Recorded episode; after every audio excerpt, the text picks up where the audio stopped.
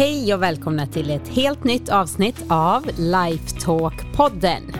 Med mig Karin Haglund, kost och hälsocoach och min man Anders Haglund, transformativ mental coach. I den här podden får du svara på frågor inom personlig utveckling och mental hälsa. Hur du lever ett bättre liv helt enkelt, inifrån och ut och blir den bästa versionen av dig själv.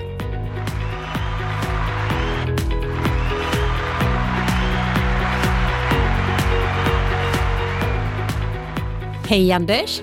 Hej Karin! Hur mår du? Jag mår bra. Har du saknat mig? Nej, vi träffas ju varje dag, men det är klart att jag alltid vill vara mer med dig. Jag har varit i Göteborg. Det är mm. nämligen som så att jag är utbildad rörelsecoach nu. Ja, mm. det stämmer. Jättekul. Ja, det förstår jag. Nya klienter som du kan hjälpa att må ännu bättre med ännu ett sätt. Precis, och egentligen handlar det så mycket om att hitta tillbaka lite som egentligen är det väldigt nära till hands med det vi pratar om, med mental klarhet. Och att ta bort lite, avtäcka lite och bli lite mer av den vi faktiskt är innerst inne. Och det här med hur vi rör oss till vardags och hur vi går och hur vi står handlar också mycket om att ta bort dåliga vanor och liksom hitta tillbaka till det här naturliga rörelsemönstret när vi rör oss i flow och flyt. Ja. Ja, du har inget att säga emot, eller? Nej, varför skulle jag säga emot? Jag har övat lite på det också. Ja, det har du gjort. Du har varit och, Anders, du har varit Bosse, du har varit, jag kommer ihåg i början. Jag får där. spela olika klienter ja. för att du ska ha någon att öva på. Precis, men jag har också övat på väldigt många andra. Så oavsett, eh, är du laddad nu inför lite nya frågor? Ja, det är jag som alltid att få höra vad som eh, står på tapeten, eller är på tapeten säger man väl. Det är ju som så att jag tar fram, eh, alltså ni skickar in frågorna till mig eller på, direkt på vår hemsida och då hamnar de i min inkorg. Så Anders vet inte vilka frågor jag... Som eh, ska komma. Som, som ska komma helt enkelt. Och det är ju karin at lifevision.se om man vill skicka direkt. Och inte gå in på lifetalkpodden.se och skicka därifrån. Och det går också bra på Messenger och så på sociala medier. Karins gröna värld. Skicka ett direktmeddelande. Mm. Mm. Där kan man också gå in och få skicka sin fråga och få den besvarad här i podden. Precis. Men nu har jag några frågor här, så jag tycker vi kör igång. Ja. Ja, jag är spänd. Lite, ja, det är bra. Då kör vi. Hej, tack för att ni gör den här podden. Jag har varit på en föreläsning med er för flera år sedan, men har ännu användning för det jag lärde mig. Så mycket bra. Har en fråga om beslut. Hur vet man vad som är rätt beslut? Särskilt när det gäller stora, viktiga beslut. Vad ska man tänka på innan man fattar ett stort beslut? Tack snälla om ni tar med detta i podden. Kram från Marie. Mm. Hej Marie. Hej Marie, en sån bra fråga. Ja, och det är ju extra viktigt i alla sammanhang för jag vill påstå att de beslut vi tar är det som formar vår framtid. Jag tänker på små beslut och stora beslut och en del kan bli lite lamslagna över hur stora konsekvenser ett beslut kan få egentligen. Mm. Hade man inte sagt hej till varandra så hade inte barnen funnits och så hade massa saker, den här podden hade inte varit och så vidare. Så det kan man, när man går in i de tankarna så kan man driva sig själv lite grann halvt till vansinne med liksom. hur stort är det här egentligen? Tänk ifall det var det jag skulle gjort och så hade det blivit ett helt annat liv. Hade jag valt det här då hade det varit ett annat liv. Och jag tror att det är det som är i vägen för många människor. Det vi kan göra är att se att jag kan inte göra mer än det bästa med den information jag har i stunden. Och Samtidigt gäller det att komma ihåg att det gäller att ta ett beslut och komma igång. För det viktiga är att när vi tar beslutet och kommer igång så öppnar sig dörrar och ny information tillkommer som inte hade tillkommit om vi inte hade kört igång. Så att sitta och vänta på att jag måste ha all information annars går det inte. Det kommer inte hända för då öppnar sig inte de dörrarna. Så vi behöver vara igång och vi behöver ta beslutet. Nu är då frågan, hur ska jag veta? Jag tror att många som lyssnar på det här kan känna igen sig att man kan vakna på morgonen och tänka åh, nu vet jag precis vad jag ska göra. Det här blir så bra. Jag ska köra igång det här, jag ska prata med den, jag ska göra det här. Och så är man exalterad. Och så någon gång redan efter lunch så är man så här, vad tänkte jag på? Lilla jag kan ju inte göra det här och det där var ingen bra grej alls. Hur vet jag vilken av de två som är rätt? För Jag kan ju ha olika känslor för det där. Det kan man ju ha i ett förhållande också. Man kan ha stunder där man tänker att nej, vi ska inte vara ihop och andra stunder man tänker jag kan inte leva utan det här för det är ju fantastiskt. Så hur vet man då vilken av de där två åsikterna, den klassiska djävulen på ena axeln och ängen på den andra, vilken av dem ska jag lita på? Och Då vill jag påstå att det gäller att lite grann känna igen ängeln när den pratar. Att märka när är jag på ett ansträngningslöst ställe och vad tycker jag då? Komma ihåg att det oftast är facit. Det jag tänker när jag är upprörd och i affekt är väldigt sällan det jag egentligen innerst inne vill eller som ligger i linje med det som är bra. Och Det vet vi nästan oftast när vi väl har tagit beslut i affekt. När man, jag måste bara ta ett och beslut efteråt nu. så undrar vi bara, varför gjorde jag så stor sak av det lilla? Kan jag suga Mm. tillbaka det? Kan jag få det ogjort? Mm. Så tittar man lite på sin historia så vet man det att det finns ett ansträngningslöst ställe. För man ska komma ihåg det också att även när man är i en viss eufori inom företagen så kallar man det för group think. När du sätter ihop tre, fyra riktigt positiva människor så kan de bli så här som att åh, det här ska vi göra. Och så är alla jätteexalterade. Och de besluten är inte alltid helt hundra heller för att vi är så att säga när vi har riktigt starka känslor igång så är det som att vi är i en ehm, spegelsal med de här konstiga speglarna på något nöjesfält. Saker och ting ser inte rätt ut. Eller som det står i backspeglarna på bilar i USA. Objects in mirror are closer than they appear. Med andra ord, så som det ser ut så är det inte. Den där bilden är närmare dig än vad den ser ut när du tittar i backspegeln. Så sväng inte ut, för den kan vara precis bakom din bagagelucka fast den ser ut som den är 30 meter bakom. Lite så fungerar vi när vi är uppe i varv åt båda hållen. För många tror att aha, är det när man mår dåligt man ska tänka på det. Nej, det är lite grann samma på andra sidan. Även om det är härligt med eufori och vara överpositiv och fantastisk så ska man veta att även där så böjer sig verkligheten lite grann och jag är inte riktigt rätt. Utan det är den där när jag, det känns så självklart när det bara är att ja, men så gör vi. Så här tycker jag. När jag är i det läget, när jag är, och då menar jag inte som ett lobotomerat ställe, för det är många som tror att när man då tar sig själv och sina tankar på lite mindre allvar, då faller man in i någon form av lobotomerad, känslokallt, känslolöst tillstånd och jag är upp och ner och jag vill inte vara en sån där tråkmåns som de då upplever att andra Mm. människor som är lite mer level-headed är.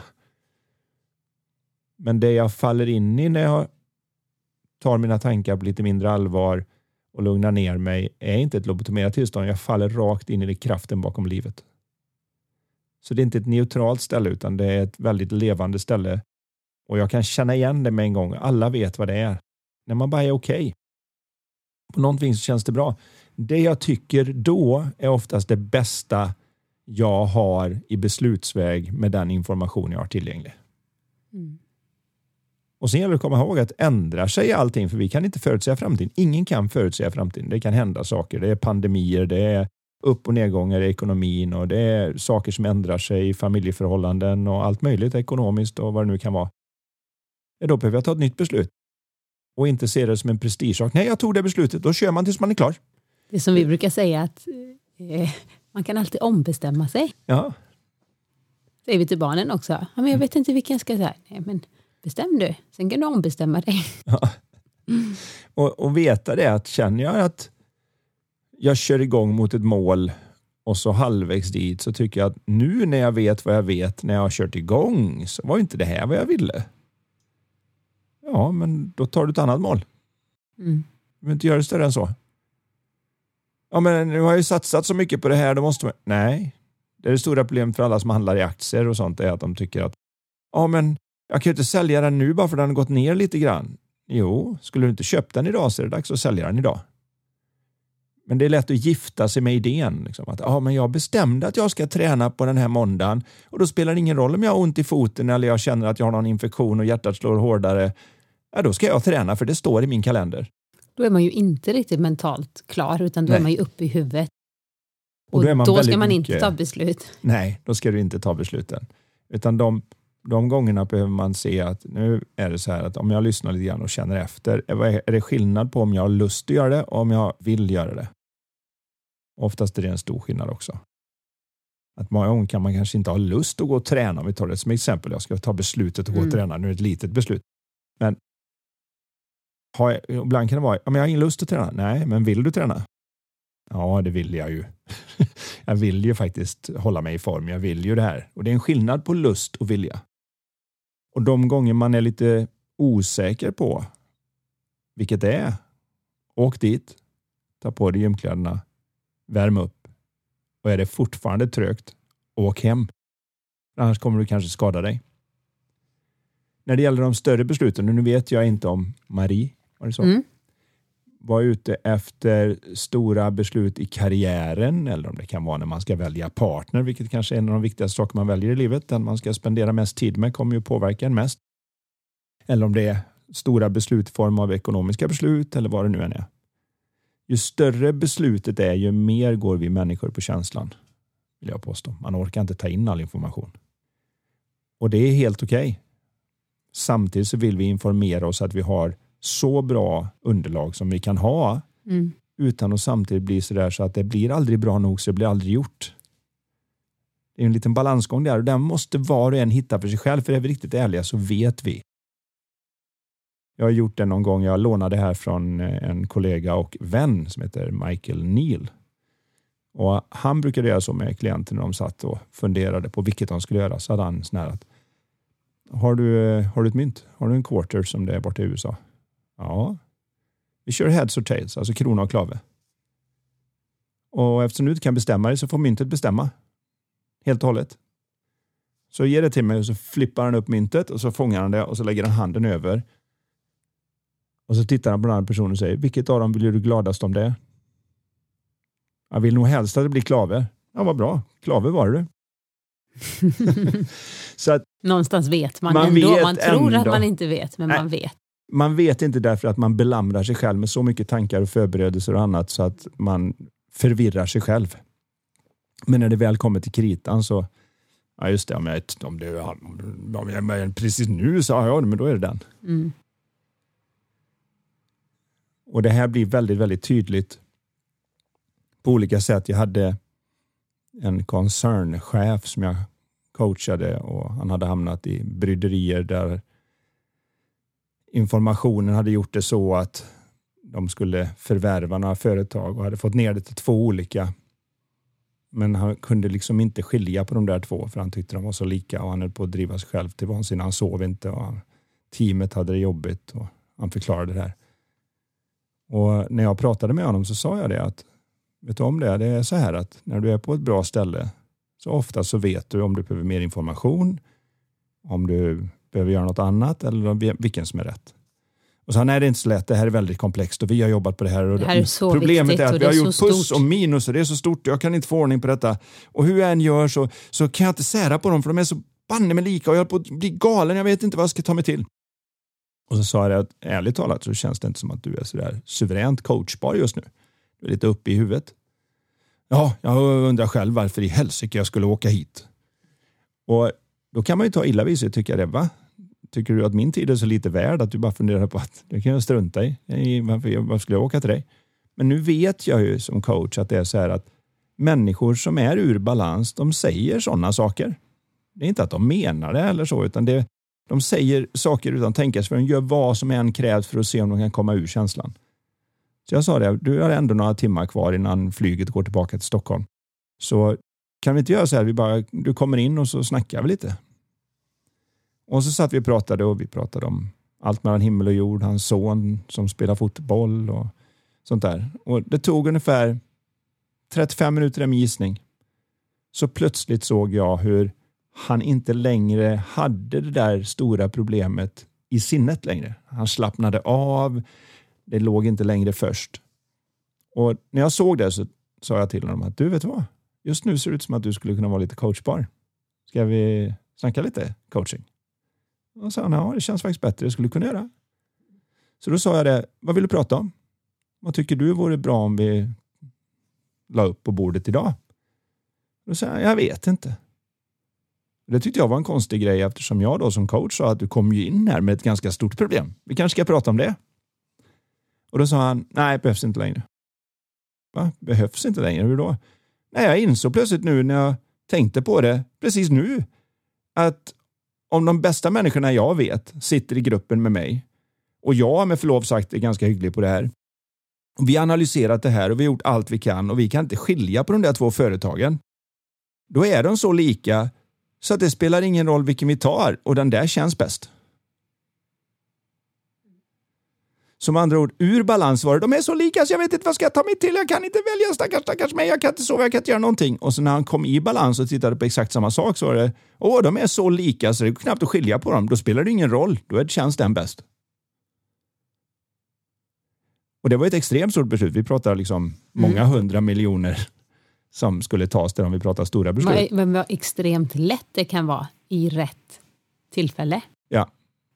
Det svåra är ju att det är ett moment 22 för det känns mm. som nej jag kan inte slappna av, jag måste ta det här riktigt seriöst för det här är ett stort problem och jag måste ta ett stort beslut och det här är inte så himla enkelt. Och ju mer jag driver på i den riktningen ju oklarare blir jag mm. och ju mindre vet jag vilket beslut jag ska ta. Och det jag vill förklara med storyn, för det, vi förstår alltid saker bäst med en story, det är ju det att när jag är på ett annat ställe så kan det som ser svårt eller nästan rent av omöjligt ut plötsligt bli enkelt. Och Det är hoppfullt att bara veta det att allt som krävs är att det jag söker är bara en tanke bort. Även om det i huvudet kan kännas som att jag är så lost så att jag är miljoner mil från rätt ställe. Jag vet inte vad jag ska göra, jag kan ingenting och jag kan ju inte mitt jobb, jag har ingen aning om någonting. Och rätt vad det är ska man bara vakna, vara på ett annat ställe, titta på exakt samma grej och bara jaha, men så här är det man ska göra. Och ju det oftare, gäller alla. Ju oftare man gör det och ju oftare man lyssnar på den känslan som är ja, det här är rätt eller nej, det här är, är fel desto tydligare tycker i alla fall jag att den känslan blir. Eller man har lättare, mm. den kanske inte blir tydligare, men du har lättare att höra den. Du har lättare att känna den. För du har börjat lyssna på din egen kropp istället för att vara liksom ta in allting från alla andra. Ja. Vi har pratat om det här innan i eh, podden, men det kan vara värt att upprepa för det är så pass viktigt. Och det är det att när intellektet är igång, när egot är igång eller vad du nu vill kalla det, det här som gör att man är lite uppe i huvudet över saker och inte riktigt kan se vad det är, då skriker tankarna in i huvudet. Visdomen som vi alla har och veta vad som är rätt och inte, som vi alla har tillgängligt, är tillgängligt för oss 24-7, sju dagar i veckan, den viskar bakom skriken. Men det är så himla lätt att fastna i vad som skriker. Gör det inte, det här vore inte alls bra. Och så är det en liten röst bakom. Så är det rätt grej att göra. Och Det är svårt att lyssna på den där viskningen. Det är den där tysta personen i styrelsemötet som egentligen där man borde lyssna på snarare än den som sitter och skriker. Som faktiskt lyssnar, tar in all information och sen säger vad tror ni om det här? Den sansade i gänget så att säga. Det har vi inne i huvudet också. Men den viskar. Mm. Den gör inte mycket väsen av sig. Det gäller att lära sig att lyssna på viskningen och inte förföras av skriken. Det tror jag väl väldigt många har gjort, att man har tagit beslut på grund av de här skriken och i efterhand så tänkte man så här, varför tog jag det här beslutet? Jag visste ju, alltså någonting i mig sa ju att jag inte skulle göra det, men jag gjorde det ändå. Och oftast är det precis den viskningen som säger det där. Ja. Som säger så här, jag visste det. Ja, just precis. Är du med? Ja. Visste det. Ja, visste det jag var... försökte ju prata med dig. Det är ja. jag som pratar med dig. Jag som visste det innan. Hade du lyssnat på mig då så hade du sluppit säga det nu. Mm. och Det här är ju någonting som vi alla behöver lära oss. Det här är ju en mognadsfråga, en förståelsefråga, kunskapsfråga. Men det är också så viktigt att vara med på det. Att det här är någonting som man behöver lära sig att veta med sig själv. Att bara den, den som skriker högst har inte alltid rätt utan det är snarare faktiskt den där sansade personen inne mellan öronen som viskar. Mm. Som, som förmodligen vet vad som Ligger är rätta i det stora beslutet. Och har Marie lite klurigt med det där så kan hon alltid kasta upp ett mynt, täcka över det och säga vilket blir jag gladast för om det är där och vilket blir jag lättad över om det är där. Mm. Om det kan vara två olika Åh, oh, vad skönt. Eh, det blev rätt ändå. Vilken tur jag hade att det blev precis den jag egentligen ville innerst inne. Den där som säger, mm. visste det, det var den jag ville det skulle bli. jag hoppas det kan vara till hjälp vad det gäller beslutstagande. Det tror jag helt bestämt. Nu Anders så ska du få en fråga som eh, vi inte har varit i närheten av att ha i podden. Oj. Det är lite spännande. Den är ganska lång men jag försöker eh, läsa upp här så eh, jag har inte kunnat korta ner den riktigt. Men okej. Okay.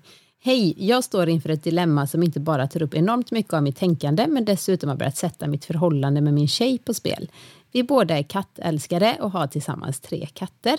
Två honor och en hane, alla tre innekatter och utmaningen är att hankatten inte är kastrerad, har börjat kissa utanför kattlådan och väcker oss på nätterna. På dagarna är han världens mysigaste katt och jag vill inte behöva skära bort saker på honom bara för att det är normen för okastrerade katter. Det känns så barbariskt att så fort ett djur inte gör som man vill så ska man skära bort saker på det bara för att det ska lugna ner sig och så vidare.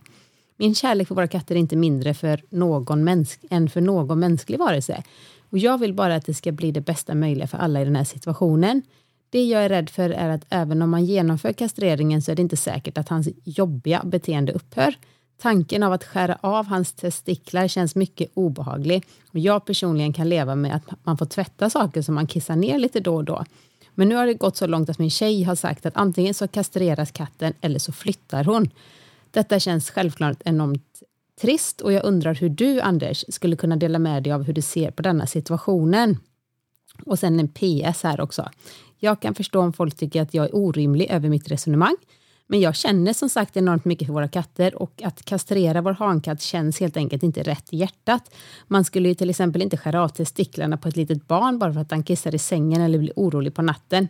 Detta är självklart ingen rättvis jämförelse, men ger åtminstone lite perspektiv på hur jag tänker. Från Anonym. Ja, det var ju definitivt första gången vi har haft en sån fråga. Om... jag är ju ingen större kattexpert. Nej, inte jag heller. Men, Men apropå det som är intressant där knyter an lite till föregående fråga där. Det känns inte rätt i hjärtat. Mm. Alltså han är, är övertygad om liksom att han vill inte göra det här. Nej, Men nu står han inför beslutet att Jämförande dessutom med att skära av saker på ett barn för att de kissar på sig så är det ju svårt. Och dessutom, för då gör man det ganska stort i tanken. Skillnaden är ju att ett barn växer upp och slutar med det allt som oftast. Om de inte är födda med någon form av handikapp och annat så mm. kommer ju det här att växa bort. Men en hankatt som är med honkatter kommer alltid att markera sitt revir. Det här är ju någonting som tigrar, mm. lejon och alla andra gör. De gör ju inte det, det. De gör inte det för att de kissar på sig, till skillnad från barnen.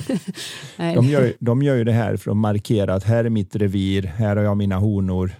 Här, mm. här bestämmer jag, här är det jag som ska få vara pappa till nästa generation katter. Och därför så markerar jag med det här. Och det är lite extra illaluktande urin dessutom tack vare det. För att det Men nu låter lägger... det här som att du är värsta kattexperten ändå. Ja, okej. Okay. Ja.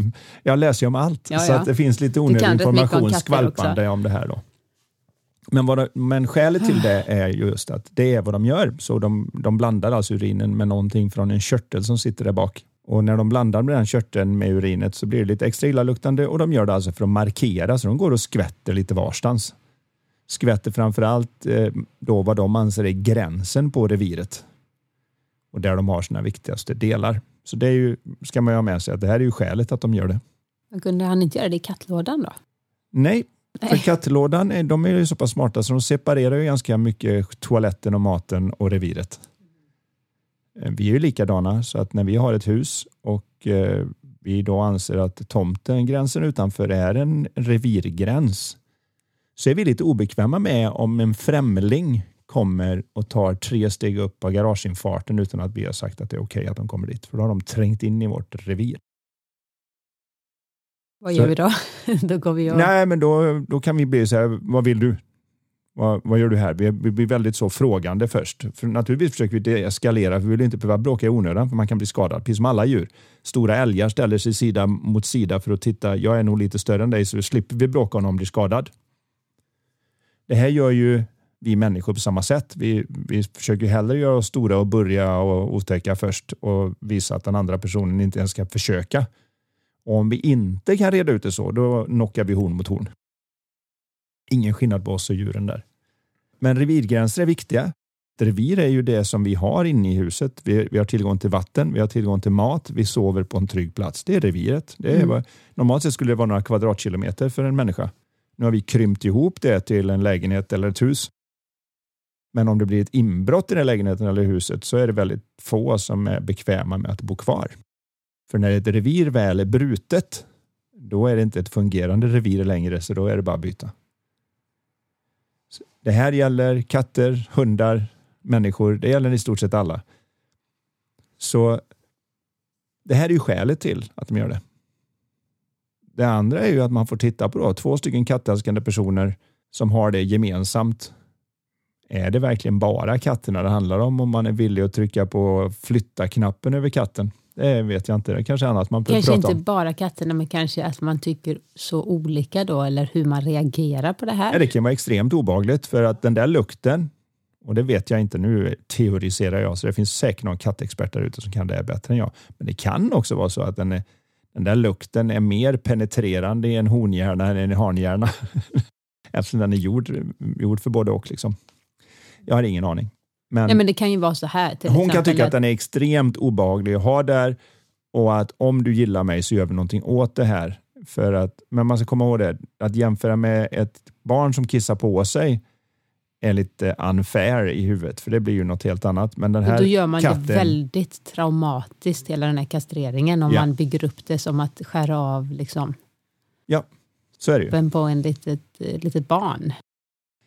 Nu vet inte jag riktigt exakt hur en kastrering går till, men Det är säkert ingen trevlig process. Det är Nej. svårt jag att tänker det är ändå så. ganska vanligt att man gör det med. Hankatter då, den där energin går över till annat som, och det gäller ju även människor. Det var ju så att eh, kaliferna och eh, de här nere i arabländerna, de hade ju flera fruar. Men de ville ha män som vaktade. Och då ville de ju inte gärna att en man som var fullt fungerande hade tillgång till alla fruar. Så därför kastrerar de de vakterna. Nej. Mm. Och då visar det sig att när en man då blir kastrerad och är precis som en hankatt som blir kastrerad så växer man sig lite större och grövre så man på ett sätt var en bättre vakt. Därför att all den där energin som något sätt hade gått till sexuell eh, energi och till eh, sånt Produktion. går till reproduktion då går istället till det så man växer till sig lite så katter som Mhm. blir kastrerade blir ofta lite större. Även på rundheten då. Lyssna nu här, alltså han är nog en riktig katt. Du ligger och läser kattböcker tror jag på nätterna. Nätterna igenom. Nej, men jag är, har alltid genom hela livet varit extremt intresserad av djur. Ja, det vet jag. Mm. Det vet jag. Så jag har ju tittat på de flesta naturprogram, jag har läst en massa böcker som jag alltid gör, jag har researchat och kollat och så dyker det upp en massa sånt här. Och Sen lärde jag mig om revir och sånt, det gjorde jag faktiskt när jag var och dök på barriärrevet mellan Kuba och Key West bort i USA. För då simmade jag iväg ner där och så plötsligt kom det fram en barracuda och ställde sig med hela kanten och tjup, tjup, tjup. Alltså den kom i 60 kilometer i timmen så den skulle man krocka in mig och så tvärnitar den framför mig och så vänder den sidan till. Och jag blev ju livrädd och simmade därifrån. Min dykinstruktör som var en gammal Navy Seal då, han förklarade för mig att nej, nej, nej. Och det som händer är att barracudor de simmar i stim tills hanen blir för stor. Då trycks han ut ur stimmet. Då söker hanen upp en yta som den kommer göra till sitt revir. Det är ungefär 200 gånger 200 meter. Och allt inom det attackerar han och talar om att här kommer du inte in för här ska jag visa hur stor och stark jag är och få mina honor. Och när du kommer in där, då är du ett hot och då kommer han komma och visa, "Rrr, här kommer du inte in. Precis som vi gör om någon kommer och ställer sig i dörren utan att vi Mm. brutit in dem. Och då sa han, men du har ju ingen aning om hur stor du är. Om du vänder sidan till och sträcker ut simfötterna och händerna ovanför huvudet så pröva att simma tillbaka. Så jag simmade tillbaka och mycket riktigt när jag passerade en osynlig gräns som inte jag visste vad den var, då kom barracudan i full fart. Och så la jag mig på sidan, sträckte ut händerna och tryckte ut simfötterna så jag blev så lång som möjligt horisontellt. Och då var jag tydligen större och då pio, Då hade du kunnat få iväg. det reviret. Ja, och det visade sig, det, vis, det visste jag inte om. Då kom jag tillbaka och så sa det. Han bara stack. Och så sa han, han har stuckit därifrån för evigt för det reviret är inte Nej. safe längre. Fy vad- det kunde han ju sagt. Han kanske hade ett jättebra revir där Ja. och så kom jag och sabbade. Gjort det jättefint och Mm. Ja, ja, mysigt och hemmastad där.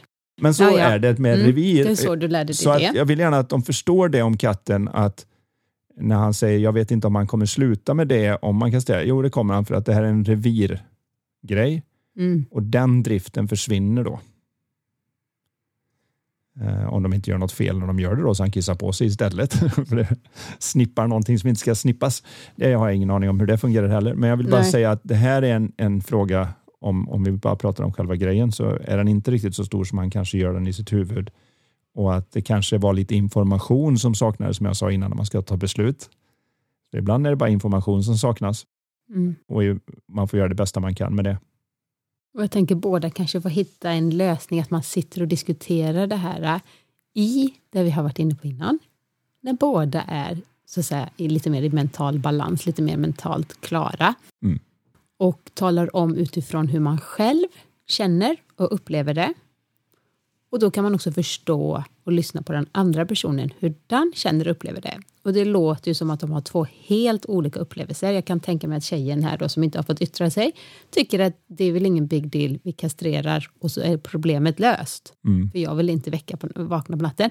Lika sant som hon tycker det är, lika sant är det ju att han verkligen inte vill det här. Så sen får de liksom hitta någon form av kompromiss. Men att blanda in förhållandet i det känns ju jättetråkigt. Mm.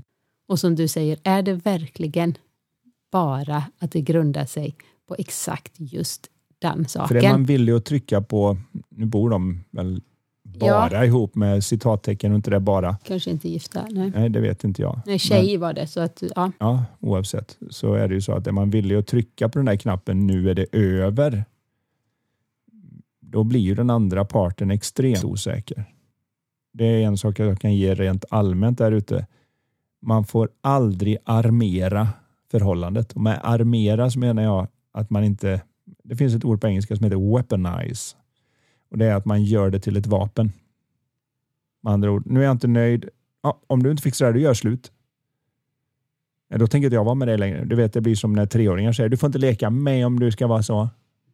Det hotet är någonting som gör den andra parten extremt satt i en osäker position. För det innebär att det från, för evigt nu om jag bestämmer mig för att vara kvar så ligger hotet om att om jag trampar minsta fel på den här äggkartongen och bryter ett enda ägg så är du villig att trycka på den knappen. Och Det där är svårt att gå och bära på.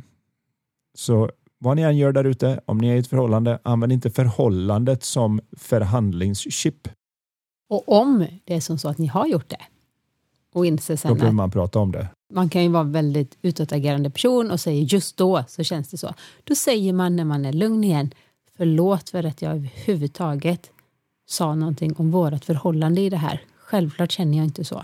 Om man nu inte gör det. Ja, man för då- förklarar det, att det... det- var något jag sa för jag kände mig så frustrerad och jag visste inte vad jag skulle göra överhuvudtaget. Men det är, ju, det är inte okej. Jag förstår ju det. Vi kan inte använda det. Nej. Så då, Utan man får förhandla om annat, för annars blir det som när man säger till ett barn, liksom, säger, jag vill inte släppa ifrån mig iPaden. Ha, men då, får du aldrig någon mer, eh, då kommer jag aldrig mer köpa godis till dig. Eh, vad har godis med min iPad att göra? och vad har aldrig? Ja, precis. Så har det Nej. aldrig med detta att göra. Så att det kan bli lite stort när det är upprörda känslor, men då får man verkligen reda ut det efteråt. För att det är någonting som sen kommer gå att väga på den andra personen. Jag tror att en av de största bitarna här som han känner som gör att han kan känna sig lite avog är att är du villig att göra slut med mig över en katt? Du som gillar katter. Då kan det inte krävas mycket alls av någon annan grej innan du säger samma sak. Då är vi inte ihop på riktigt. Och den osäkerheten är svår att leva med tanken på. Om man inte har en väldig förståelse för hur tankar funkar. Det ska man vara lite försiktig med i det här Mm. sammanhanget. Så det här var en liten utläggning om katter, revir och eh, varför de kissar. Och samtidigt så var det också en liten utläggning om hur vi där att- människor fungerar och att när man är i ett förhållande så får aldrig förhållandet läggas upp i vågskålen när vi förhandlar om någonting. Om du inte börjar städa bättre så kommer inte jag vara med dig. Va? Det är ju inte därför. Det är inte, nu, får Nej. vi, nu får vi ta det lite lugnt här. Det, vad har städning med det att göra? Vi kan prata om städning. Vi kan lära oss att se lite bättre. Vi kan ha massa saker, men hoppa dit är liksom mera... Och också kom ihåg att det måste få vara okej att vi tycker annorlunda och att vi är olika. Det behöver inte betyda att man måste tycka lika, även om det här är en viktig eh, sak för dem. Så måste man inte tycka lika om allt, men vara nyfiken och öppen på hur den andra personen tänker. Så det låter ju som att de här, det bästa tipset vi kan ge är liksom att sätta sig ner och prata om det från bådas håll, när båda är i så säga, mental klarhet. Och ta reda på lite mer från någon som är på riktigt insatt i det här med katter. Kanske veterinär eller... Ja, någon veterinär. Båda två kan åka dit ihop som en grej för att och prata, prata om det här. Så och här sen- Det här är vad vi verkar stå inför. Mm. Är, hur, hur hemskt är det? Vad gör det för skillnad? Och Det kan jag ju tänka mig. Jag, menar, jag som man känner ju nästan hur bedövade? pungen vill dra sig upp i, mellan benen bara vi pratar om kastrering. Så att det är klart att Men man har lättare att relatera till det kanske som man. Mm. Hade det varit att eh, hennes honkatter skulle få livmodern bortopererad så kanske hon hade varit mer känslomässigt engagerad och varit med på Mm. grejen. Det vet inte jag. Vad jag bara säger är det att ta reda på mer information. När man har den informationen så pratar man lugnt och sakta om okej, hur löser vi det här på bästa sätt nu? Mm. så att det blir bra för oss båda och inte en sån där när man kompromissar från varsitt håll och säger det ska vara en äkta win-win. Jag vill bo i ett hem, även om jag gillar katter, som är rent och fräscht och jag kommer hem och känner mig glad över att jag kommer hem. När han säger ja, jag vill ha en katt som är glad och lycklig och får vara katt. Okej, kan vi lösa det på något vis? Kan vi låta dem ha, vara lite mer utekatt och vara, få göra ett revir där ute då som de får kissa i hörnet på som inte gör lika mycket?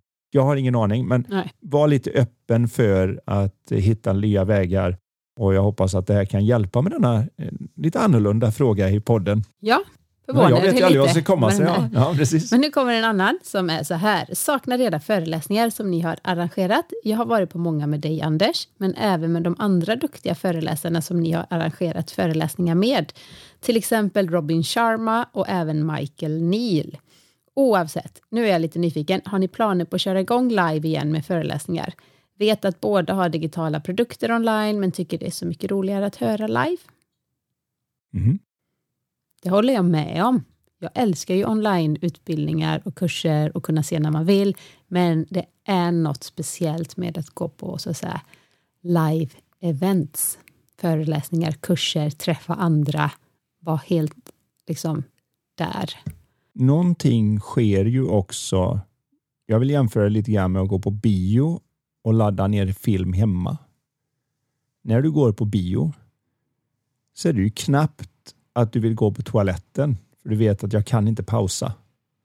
Så man är ganska noga med att gå och kissa innan kanske och man gör sig i ordning och sen, sen är man inne i filmen för nu är det Mm. två timmar och nu åker vi och det finns inget annat jag kan göra för jag har köpt en biobiljett när man sitter hemma och laddat ner så är det liksom, kan du pausa, jag ska bara gå och göra macka. Kan du pausa, jag ska bara kolla vad det var som plingade på min telefon. Kan du pausa, jag ska gå på toaletten. Alltså det är en annan upplevelse och live, när jag går på ett live-event, då är det ju det, han pratar nu. Så jag gör vad jag behöver göra för att kunna sitta i den stolen och ta åt mig så mycket jag kan. När jag har laddat ner en produkt, jag vet inte hur det är för andra, men för mig har jag märkt att det kan vara lite grann som att den kan jag kolla på när som helst, så det blir nästan att man inte gör det. Jag kan när som helst klicka på den där online-produkten och då är den inte lika exklusiv, den är inte lika tidsbaserad. Nu ska det hända. Mm. Jag läste precis idag om någon som hade skrivit om det, att det som gjorde att Adele, när hon släpper sina album, att det fortfarande kan vara lite hype runt om. När hon släppte sin första låt så fick hon väl ganska snabbt 100 miljoner visningar eller någonting. Är ju att hon har fem sex år emellan och hon gör inte några collabs som det heter när man sjunger på andras låtar. Utan när hon väl, när hon väl sjunger, då får du ta det. Det är då hon gör det. Så är du fan av det så får du lyssna nu, för nu kommer den. Också att vi har en helt annan förutsättning. Det är färre som då tycker att de vill binda upp sig. Det är en väldig FOMO som det heter, fear of missing out, är ju mycket lättare i dagens samhälle än förr. Då gick ju tv-tablån gällde ju liksom. Klockan 8.00 är det Dallas, då samlar vi familjen och så kollar vi en timme eller vad det nu var för program som var i eran ungdom, Mm. liksom, snobbar som jobbar och allt. Jag kommer ihåg när man var liten, då var det liksom man samlades på Beverly fredag. Hills Nu får du vara på. uppe och titta klockan nio. Men- tablån styrde lite mer och man gjorde det till något speciellare och nu vet man jag kan ladda den och kolla på den när jag vill. Och jag kan binge-watcha den i tio timmar i rad och se hela säsongen eller vad det nu är. Mm. Vi vill väldigt gärna ut och göra live-eventen. Vi vill väldigt gärna bjuda in eh, alla de kontakter vi har över hela världen med väldigt duktiga föreläsare. Eh, självklart. Vi har ju ett eh, eh, vad ska jag säga, live-kurs-event här, men den, det riktar ju sig främst till eh, faktiskt golfare som också är intresserade av business och personlig utveckling. Som vi Ja. har satt ihop och precis har lanserat här, som går av stapeln i april på Barsebäck. Just det. Och det är min gamla kärlek eftersom jag då varit golfproffs en gång i tiden. Spelat ute på Europatouren och varit Europamästare i golf och sånt där. För att göra en sån humble brag som det kallas. Ja, och det gör du tillsammans med Kricken Herdin. Mm. Känd som kommentator från eh, tv för de som tittar på golf. Och och, eh, och även min gamla landslagskollega. Så vi har delat rum i alla världens hörn. I, kommer ihåg när vi var i Caracas och spelade par-VM ihop. Och lite annat sånt där som eh, vi har gjort. Och nu har vi då satt ihop eh, när vi har pratat så här lite på gamla dagar, om vi ska kalla det så, mm. att vore inte det kul med tanke på att vi befinner oss i livet och sånt, om vi kunde göra en kombination där vi pratar om livet, golf, personlig utveckling, personligt ledarskap och sätter ihop det till en grej. Så för den som tycker att golf är fantastiskt och personlig utveckling är fantastiskt så är det en kombination som jag tror eh, kommer Det är väldigt vara, unik. Ja, den blir ju lite unik. Det är inte alla som kan sätta ihop den. Och det är ju tre dagar och det är i april. Sen har ju vi också faktiskt eh, börjat få intresseanmälan och eh, en bokning här på den här VIP-coachningen som vi nämnde tidigare i podden. Det. Och det är för att vi inte riktigt har satt ihop någon ny, något nytt datum eller någon ny eh, för våran kurs. Än så länge är det ju fortfarande den här som gäller. Jag hade precis nu igår fick jag ju besked. Jag hade fått ett större företag som ville ha fem föreläsningar. De hade fått del, det var så pass stort företag som vi delade upp det i fem olika delar så inte alla måste ta ledigt samtidigt. Utan en femtedel av företaget gick ifrån jobbet. Mm. För en halvdagsföreläsning. Men, så det skulle bli fem halvdagsföreläsningar under tre dagar. Det är ett stort jobb om man tänker kaching vad roligt, komma igång och jobba lite och få fakturera. Men igår så ringde de då och sa det att nej, vi känner oss fortfarande inte bekväma, vi vet inte vad direktiven är så vi skjuter detta till 2022. Och Det är ju för att många nu känner ju det här att ja, men om, nu ska vi boka hotellet och så ska vi boka mat och så ska vi boka lokal och konferens. Och så säger att det blir ett annat direktiv och du får inte vara mer än 50 personer igen för att det kommer mm. någon ny delta-variant eller vad det är. Ja, då ska vi inte bara avboka allting och alla, alla som har gjort sina grejer med sina familjer och allt vad de nu ska göra för att kunna göra det här. Dessutom ska vi förmodligen behöva ha någon form av juridiskt snack med det där hotellet som inte haft gäster på hur länge som helst och behöver pengarna grymt mycket. Mm. Att nej, vi kommer inte, för vi känns inte bekvämt. Ja, men nu är ni förbi den här halva summan får ni betala. Det är ju en ganska stor summa pengar om man är 800 pers. Det är fortfarande pers, med andra ord lite, lite osäkerhet i luften. Jag tror att det kommer, eh, vi säger nu 2022, vara ja. helt annorlunda. Och folk längtar efter de här eventen. Jag har ju tillsammans med min eh, vän Annika ett event här utanför Borås där vi kör liksom yoga, rörelsecoachning, nyttig mat, mm. eh, bastu, spabad. Då är det lite färre som kommer vara där och då triggar man förmodligen inte eventuella snöplen. För just nu är det ju det här att det är lite som att de flesta större företag och andra vill inte göra affärer med ett politiskt instabilt land. För om du inte vet vad direktiven är så vill du inte investera med en fabrik eller nya affärer och sånt. För tänk ifall det ändrar sig om ett halvår. Om någon gör en kupp eller den andra politiska sidan har gjort klart att vi kommer göra helt andra förutsättningar och nu är det inte ens lönsamt att göra det här. Då vill jag inte göra en miljardinvestering. Det gäller ju även när det handlar om 10 000 lappar investeringar och 100 000 lappar investeringar. Att om jag inte vet vad direktiven är så vad ska jag, jag kan inte riktigt lita på det här. Nej. Så viljan finns får vi säga på den här finns. frågan och vi... vi... vill jättegärna ut igen och göra de här fantastiska öppna föreläsningarna som jag har gjort innan när det har varit några hundra personer. Absolut. Och vi har grottat ner oss i en dag eller som när vi har haft ledarskapskurser på en vecka och tre dagar. Jag är väldigt glad att det har varit uppskattat och dyker upp nu. Och Det man inte kan få online är också den här som jag märkte när man nu har fått vara ute och föreläsa lite grann. Mm. Det är ju den här normala konversationerna i pauserna där mycket av insikterna kommer. Man är en och en halv timme på en föreläsning och så går man ut, ställer sig, tar en kopp kaffe och snackar och så säger man vad tyckte du om det här? För jag håller inte med det där, det där. Och så säger man jo, men det och så när man gör det här snacket runt omkring i pausen mm. där man inte längre då kommer ju mycket av hela grejen fram och insikterna trillar ner bakom intellektet och man får en helt annan effekt än när man sitter var och en framför en dataskärm eller en telefon någonstans och lyssnar och kanske då och då lägger ifrån sig den och går och gör något annat emellan. Och sånt här som blir när man kan röra på sig. Du vet. Ah, ja, men jag lägger den här och så diskar jag lite och så tar jag hand om tvätten eller svarar på de här mejlen medan och så kommer man på att nu har jag inte hört någonting på 20 minuter. Det är inte samma närvaro som när jag har bestämt mig och framförallt då när man sagt nu tar jag tiden, nu tar jag pengarna och jag har investerat med det här och klockan halv nio och registrerar mig klockan nio kör det igång och så får jag träffa 200-300 andra människor som är intresserade av samma sak och så kör vi! Woohoo! Det är ju en Apropå helt annan investering, grej. jag tänker på när vi haft till exempel Robin Sharma i Stockholm och det kom människor från hela Sverige. Då Ja, behöver de utanför. planera och även ut, precis just det, vi hade hela vi företag hade från, en- eh, var var det inte Budapest, alltså det var så mycket olika.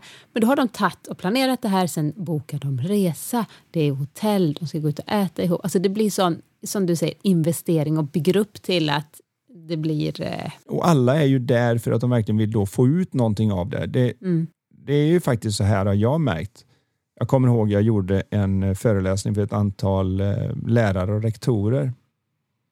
Och då hade jag lovat att vet vad, jag brinner så mycket för att ni ska kunna göra ett bättre jobb med nästa generation så att jag kan komma dit och göra det gratis.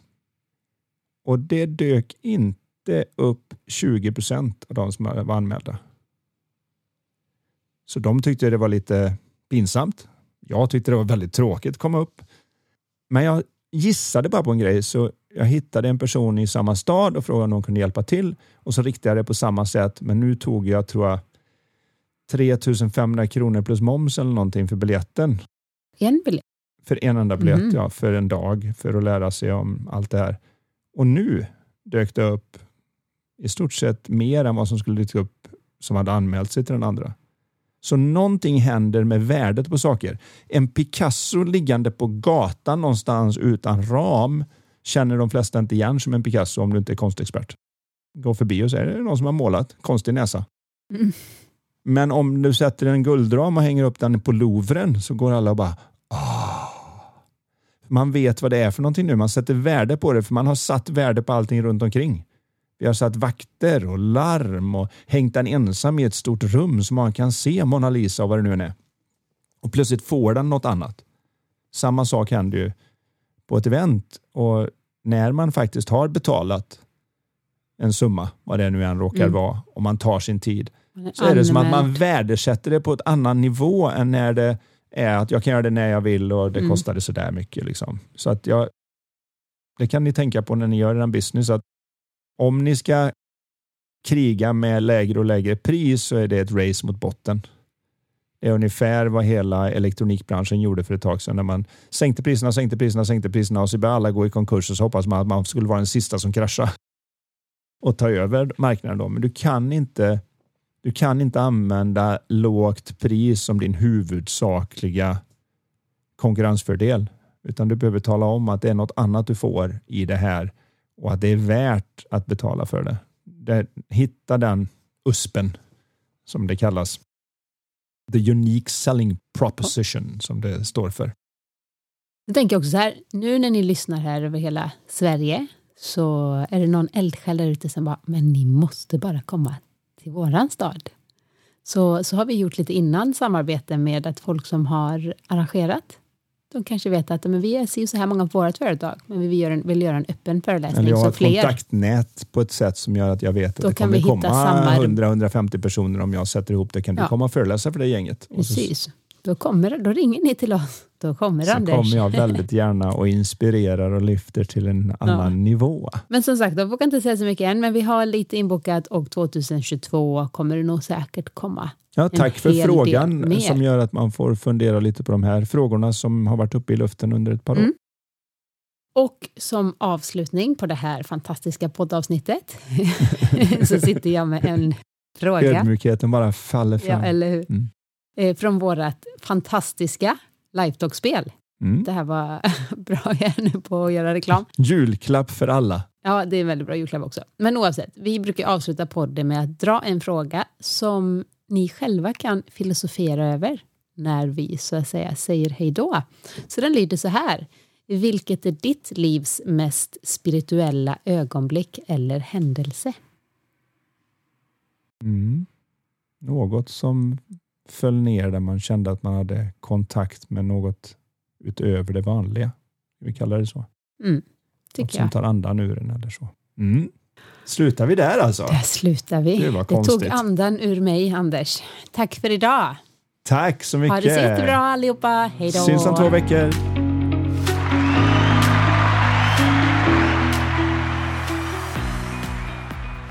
Du har lyssnat på Lifetalk-podden. Vi vore så tacksamma om du vill lämna ett betyg och eller recension i iTunes. Dina frågor de kan du skicka till oss på lifetalkpodden.se. Spelet Lifetalk finns också att beställa där. Vill du komma i kontakt med oss rörande samarbeten, coaching, föreläsningar och event? Då kan du mejla till karin lifevision.se. Tusen tack för att du har lyssnat. Och du, gillar du podden? Dela den gärna vidare och tipsa om den i sociala medier. Låt oss tillsammans göra världen lite mer mentalt välmående.